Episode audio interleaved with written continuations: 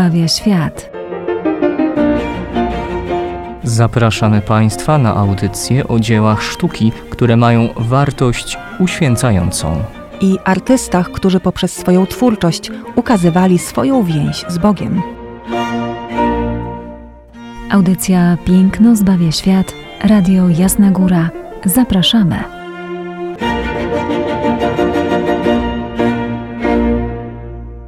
Izabela Banaszewska.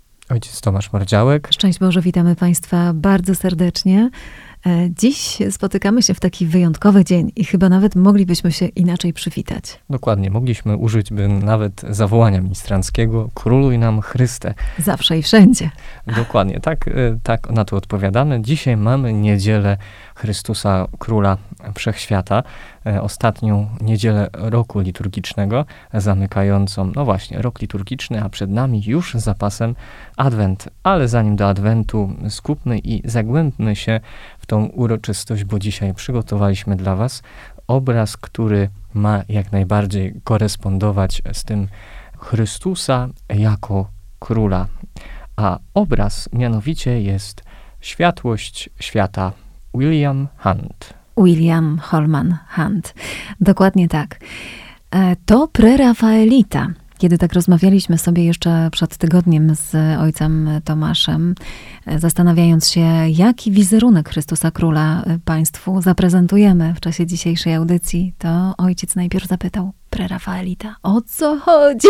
Dokładnie. No to dla mnie czarna magia jeszcze, ale myślę, że jak będzie E, będziemy razem, wspólnie, przynajmniej przez rok albo dłużej, to ja tu będę miał w małym palcu każdy okres, każdego autora. To... Ale adrem. A otóż to. Prerafaelici. Przede wszystkim musimy od razu umiejscowić w czasie e, tych naszych prerafaelitów. Jest to XIX wiek. Nasz obraz, Światłość Świata, pochodzi z 1853 roku. Wówczas to był malowany.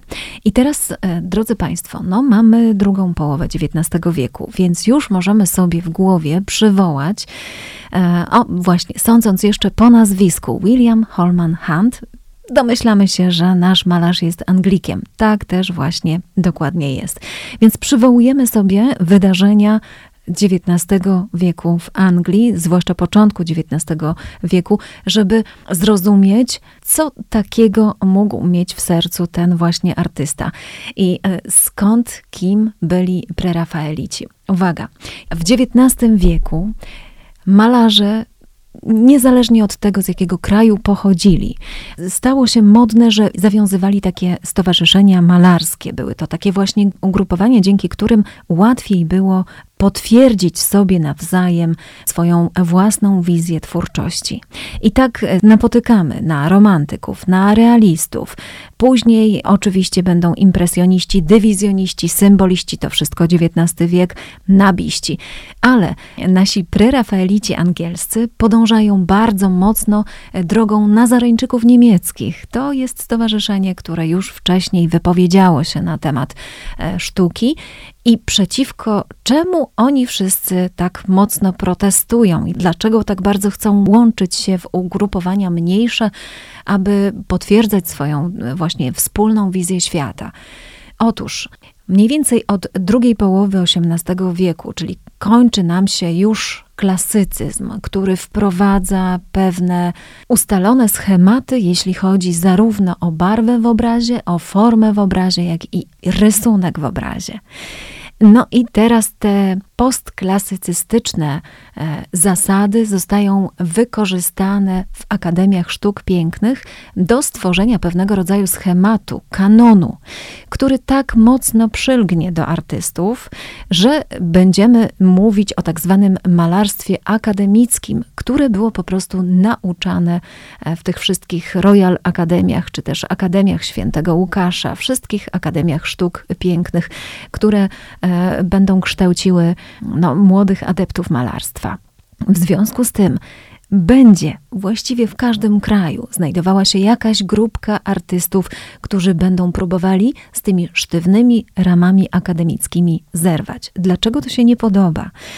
Przede wszystkim artyści buntują się wobec tego, że rysunek jest stawiany ponad kolor, równowaga ponad ruch, a światło dzienne pracowni ponad plener.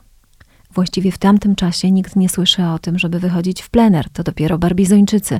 E, tam pojawi się, jak Państwo pamiętają, wynalazek e, składanej sztalugi, którą artyści mogli sobie zarzucić na plecy i wyjść w plener i malować w lesie na przykład, prawda? I tutaj prerafaelici buntują się przede wszystkim przeciwko malarstwu akademickiemu. Dodatkowo, tak jak wspomniałam na początku, przywołujemy sobie w pamięci, jak wyglądała wiktoriańska Anglia, jak wyglądał ówczesny porządek moralny. Pamiętajmy, że królowa Wiktoria obchodziła wówczas 10 lat panowania, a wraz z nią właśnie cały ten porządek wiktoriański. Rewolucja przemysłowa, rewolucja naukowa. Europą też wstrząsały ruchy powstańcze. To jest wszystko dla nich bardzo ważne. Oni się przeciwko temu wszystkiemu buntują. Oni chcą powrotu do natury. I teraz, co się dzieje jeszcze warto wiedzieć w malarstwie angielskim. Dziesięć lat temu mm, zmarł Constable, który próbował pierwszych rewolucji, jeśli chodzi o e, właśnie malarstwo pejzażowe. Trzy lata życia ma przed sobą Turner, który będzie no, absolutnie nowatorski, będzie wprowadzał zupełnie nowy rodzaj światła w swoich obrazach. Turner jest wtedy już staruszkiem. Oni mają tego świadomość, że jeśli nie oni, to kto? Jeśli nie teraz, to kiedy, prawda? Muszą coś zrobić z malarstwem, e, bo nie godzą się e, malować właśnie w takim ustalonym, e, sztampowym schemacie. W związku z czym spotyka się trzech malarzy, y, są nimi Mille, Hunt i Rossetti. Dołączy do nich także rzeźbiarz Wallen oraz dwóch teoretyków. No i teraz co? Zaczynają tworzyć pierwsze swoje manifesty. Y, ich pierwszym manifestem, drodzy Państwo, jest to, że sprzeciwiają się malarstwu takiemu, jakie uprawiał Rafael Santi. No i właśnie sztuczność gestów zarzucają mu schematyczne pozy w obrazie, no i teraz w związku z tym chcą malować tak, jak malowali starzy mistrzowie, jak malowali ci, którzy e, byli przed Rafaelem, a więc wczesny renesans, cała sztuka gotyku e, europejskiego bardzo zaczyna inspirować tychże artystów. Stawiają sobie za cel malarstwo oparte o wartości chrześcijańskie. To jest bardzo ważne w obliczu tych wszystkich przemian przemysłowych, które dotykają no nie tylko Anglii, ale i całej Europy. Więc oni opierają swoją sztukę o wartości chrześcijańskie. E, studiują e, dzieła oczywiście dotychczasowych rewolucjonistów, czyli właśnie Turnera, Blake'a, Constable'a i Nazareńczyków, XIX-wiecznego bractwa, które zawiązało się nieco wcześniej w, w, Niemczech. Kończą ze sztucznymi pozami, z ideałem piękna. Oni chcą malować bliżej natury. No i jeszcze pojawia się tutaj także różnorodność. Różnorodność tematów, bo będą także się inspirowali wątkami mitologicznymi, ale przede wszystkim źródłem ich inspiracji będzie Biblia, będzie literatura i wydarzenia społeczne.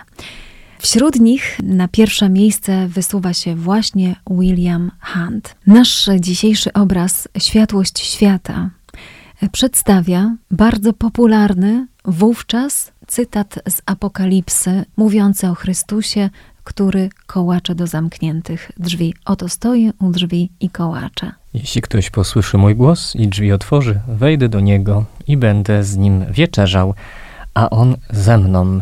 Choć ponoć artysta y, chciał wyjść od innych y, fragmentów Pisma Świętego, a mianowicie z listu Pawła do Rzymian. Noc się posunęła, przybliżył się dzień, czy też z Księgi Psalmów, chociaż myślę, że tutaj też udało mu się to jak najbardziej mm, przedstawić, a mianowicie Twoje słowo jest lampą dla moich stóp i światłem na mojej ścieżce. Myślę, że mógł nawiązywać do wszystkich tych trzech cytatów, absolutnie tak, aczkolwiek temat, jaki wybiera, no, nawiązuje bezpośrednio do apokalipsy, prawda? Mamy e, w naszym obrazie stojącą u wejścia do drzwi postać Chrystusa, który swoją prawą ręką próbuje kołatać do drzwi. Widzimy, że drzwi są absolutnie pozbawione klamki. E, Chrystus nie może do nich wejść. Mało tego, są to drzwi, no widzimy tutaj fragment jakiegoś wejścia do wnętrza. Całe to wnętrze jest porośnięte w sposób e, no, taki nieskoordynowany. Widać, że jest bardzo mocno zaniedbane. Troszeczkę tutaj jest owoców, troszeczkę jest warzyw, bo jakiś koper nam tutaj wystaje, jakieś wiciokrzewy się pojawiają. Mamy przed sobą przede wszystkim może, może powinniśmy zacząć od tego, że nokturn. Nokturn jest to obraz malowany rzeczywiście nocą. I tutaj ten powrót do natury w przypadku Hanta był, jak widzimy, nie tylko w przenośni, ale i dosłownie. On ten obraz malował od godziny 9 do 5 rano no to naprawdę nasz e, artysta miał e, zacięcie i naprawdę zależało mu, e, by iść za swoimi ideałami, jeśli chodzi o kwestię malunku. I na pewno udało mu się to fenomenalnie. Mm, mówiąc o nokturnie, tą światłem, które jest tutaj dla nas wiodące, jest lampa, którą trzyma Chrystus w swojej lewej dłoni, ale jednocześnie również aureola, którą E, namalował oczywiście, wiadomo, e, przy e, głowie Chrystusa. Czy to jest aureola na pewno? Właśnie nimbus. To będzie nimbus, bo aureole, tak, to są... To będzie, ojcze Tomaszu, ani aureola, ani nimbus. Właśnie o to chodzi, że jest to księżyc. A. Jest to ciało niebieskie, które nam błyszczy nocą na niebie i które daje nam naturalne światło. Właśnie tak, w tym obrazie są dwa źródła światła, jeśli się dobrze przyjrzymy. I nie jest to wcale brzask poranka, e, to co widzimy e, w tle to jest właśnie naturalne światło pełni księżyca. A rzeczywiście księżyc został tutaj wykorzystany do ukazania tych wszystkich oznak świętości, bo mamy Chrystusa e, w szacie, w białej lub jasnej szacie, e, z pektorałem na ramionach, z takim e, charakterystycznym czerwonym płaszczem, wzorzystym dodatkowo jest korona na głowie, a nawet dwie korony, bo pierwsza z nich to korona cierniowa, dopiero druga z nich to korona metalowa, otwarta, więc korona władcy tego świata. Ale właśnie wokół głowy Chrystusa jest księżyc, dlatego nie ma nimbu krzyżowego. I tu mi rozjaśnia się między innymi jedna z informacji, to że Hunt E, wyjechał e, do e, Izraela po to, aby uchwycić tamtejszy blask księżyca. No właśnie, ja się zastanawiam, gdzie ten księżyc, co z tym księżycem? Tak tylko jeszcze pozwólcie, że odejdę w bok, bo widziałem również inny obraz Williama Hunta, a mianowicie kozioł ofiarny. Tak. Mam również tam nie wprost przedstawionego Chrystusa, ale niejako widać i pewna aureola, właśnie nimbus jest stworzony e, przy głównej postaci z okna mhm. warsztatu. I mówię, jakie to fenomenalne, a później tak. patrzę na światło świata i no, no, nimbus, no jest, a to księżyc, no, no fenomenalne, piękne, naprawdę e, coś wspaniałego. Ale wróćmy do już e, wspomnianych symboli e, władzy, które tak. mówią nam o Chrystusie jako królu i też racji dzisiejszej niedzieli niedzieli Chrystusa Króla Wszechświata. E, Chrystus jako król, przedstawiający trzy władze, bo to jest tutaj e, przedstawiane przede wszystkim jako władza królewska. Pochodził z rodu Dawida. Czytając Ewangelię, widzimy, jak są wyprowadzane jego rodowód prosto od Dawida, by móc przedstawić, że właśnie jest on z pokolenia Judy, że jest potomkiem Dawida, a zatem niejako tron Izraela, tron Judy mu przynależy. No i proszę zauważyć, że najpierw na głowie Chrystusa jest właśnie ta metalowa korona, dopiero na niej spoczywa korona cierniowa. A więc najpierw jest władcą tego świata, tego wszechświata, tak? A później e, ta korona cierniowa mówiąca o e, wartościach duchowych, o jego męczeństwie. Kolejną rzeczą był pektorał.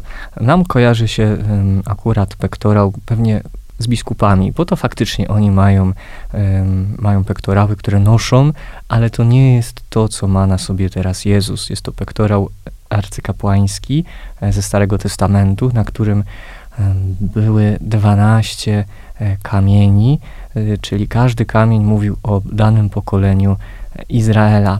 I tu mamy mowę o tym, że Chrystus pełnił również władzę kapłańską, bo Mesjasz, którym był Chrystus, który był Jezus, również był arcykapłanem. O tym też mówi nam Nowy Testament. On jest tym prawdziwym kapłanem, który nie musi też składać ofiary za samego siebie, Więc ma władzę kapłańską i jest jeszcze jedna władza, którą pełni Chrystus, e, która mu przynależy, a która była e, również w Izraelu, e, była też formą namaszczenia, bo tak wprowadzano w tą posługę królewską, kapłańską i prorocką. Chrystus posiadający władzę prorocką, czyli jaką? Nie przepowiadającą przyszłość, bo to najczęściej kojarzy nam się z prorokami, często z racji greckiej, ale prorok e, jako instytucja starotestamentalna, ogólnie izraelska, żydowska, był ten, który wyjaśniał znaki czasu, wyjaśniał teraźniejszość, jednocześnie upominając Słowem Bożym na przyszłość, czy wykazując pewne konsekwencje. Jeśli się nie nawrócicie, najlichej zginiecie, czy zostaniecie zniewoleni. I to nieraz się wypełniało, dlatego też była mowa, no, przepowiadają przyszłość. Nie, mówią o konsekwencjach pewnych wyborów. I również czynił to sam Chrystus, głosząc Królestwo Boże. Upominał Słowem Bożym, wspominał e, jednocześnie konsekwencje naszych wyborów, jak i również tłumaczył nam rzeczywistość. Wypełniło się Słowo Boże, przyszło Królestwo Boże e, do was, czyli pełnia władzy królewska, kapłańska i prorocka w Chrystusie jest ukazana e, w tym naszym obrazie i mamy go jako tego właśnie pukającego do drzwi, jako władcę. Można powiedzieć, często nam się Jezus kojarzy jako, jako dobry pasterz, przyjaciel, e, ktoś bliski. Tu mamy go przedstawionego właśnie jako władcę, tego, który krąży po świecie i można powiedzieć jest tą ostatnią nadzieją e, w tym naszym ogrodzie życia, ogrodzie ducha porośniętym e, chwastami, no czym popadnie Chwastami wręcz. grzechu. Przychodzi, by dać nam nadzieję, by nas zbawić, czyli uratować. Myślę, że ta noc ma, to, ma też tutaj ogromne znaczenie. Chrystus przychodzi do nas ze słowem, które symbolizuje tutaj właśnie ta rozświetlona lampa, mimo nocy naszej duszy. Przychodzi właśnie o każdej porze. O tej porze naszego życia, jak gdyby mówią także inne symbole, bo mówią również i trzy jabłka, które tutaj zostały rozrzucone pod nogami Chrystusa. Mamy jabłko zielone, e, mamy jabłko czerwone w pełni dojrzałe i jabłko takie już raczej zgniłe. One będą nam mówiły o tych różnych porach życia e, człowieka i w każdej z nich Chrystus gotów jest docierać do drzwi naszej duszy, tak? To jest jedno ich znaczenie. Drugie znaczenie, jak jako owoców w obrazie może być również i takie, że jest to obfitość łaski, z którą przychodzi Chrystus, ale łaska ta może również nie zostać wykorzystana. Stąd to trzecie jabłko gnije, po prostu się zmarnuje, tak? Więc symbolika tego obrazu bardzo, ale to bardzo głęboka. Światłość świata, czyli niesiący kaganek, niesiący światło, światło e, Słowa Bożego jednocześnie no, w domu zapewne panuje ciemność, na zewnątrz panuje ciemność. E, a zatem, gdy otworzymy drzwi, bo tylko my możemy je otworzyć, ci, e, którzy są wewnątrz, bo klamki, jak wspomnieliśmy wcześniej, nie ma na zewnątrz, dostaniemy to promienie światła. E, też słyszałem, dziś doczytałem się, taki szukają pewien symbol, że w tej przedstawieniu tej lampy, która wygląda wręcz jak okna gotyckich kościołów. Tak. Mamy właśnie ten symbol, że Kościół, wspólnota Kościoła jest również tą, jest tą lampą jako oblubienica Chrystusa, czyli ta, która niesie światło, mająca rozpromienić mroki naszej duszy, nasze przygnębienie, e, nędzę, która wynika po prostu z naszej słabości i grzeszności. I zobaczmy, że Chrystus, pukając do drzwi, nie spogląda na same drzwi, ale spogląda wprost, wprost na nas, którzy przyglądamy się temu wspaniałemu obrazowi, co mówi nam, że te drzwi niejako należą do nas.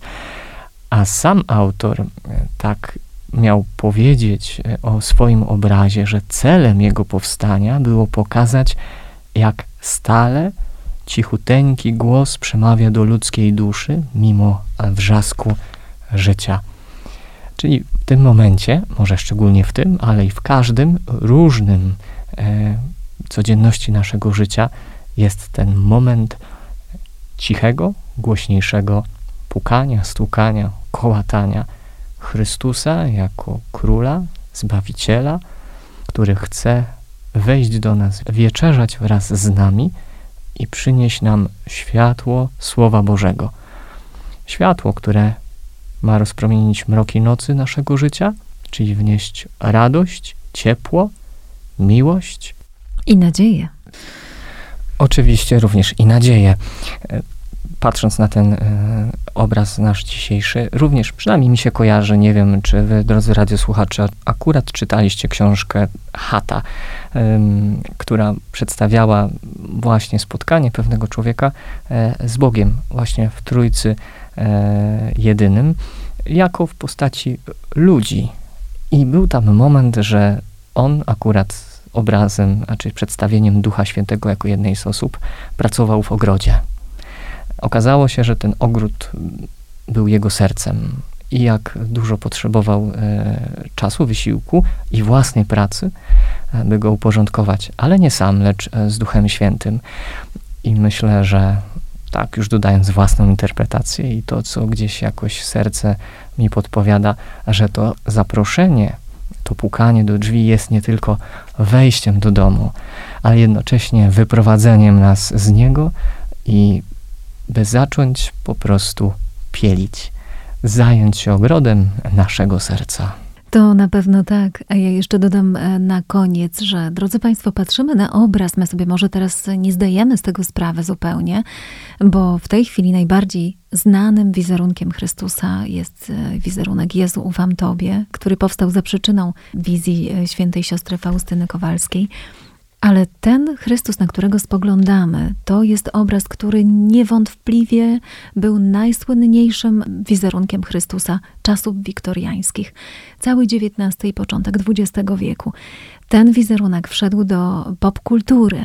Były produkowane mniejsze lub większe jego reprodukcje, przemalunki, e, przeróżne wersje, bardziej lub mniej uproszczone. Sam William Hunt namalował go w kilku wersjach, taką największą e, namalował kilka lat przed swoją śmiercią. Więc e, to jest obraz który w jakiś sposób wyraża także i pobożność ludową. Zresztą to była też idea prerafaelitów, malować w taki sposób, aby obraz nie wymagał głębszego wyjaśnienia, aby był bezpośrednio, intuicyjnie odczytywany przez człowieka, odczytywany tak naprawdę poprzez serce. I taki ten obraz właśnie jest. Dlatego zostawiamy dziś Państwu do refleksji. Obraz, który na pewno do serca trafi, jest też, jeśli chodzi o swoją strukturę, o formę i o barwy w nim użyte niezwykle ciepłym obrazem, no ciepłym także i na te jesienne dni, które jeszcze przed nami. A żegnając się taką wisienką na torcie e, dla Was i dla nas e, słowami dobrze nam znanymi, otwórzmy drzwi Chrystusowi. Bardzo dziękujemy dziś Państwu za uwagę i zapraszamy za tydzień.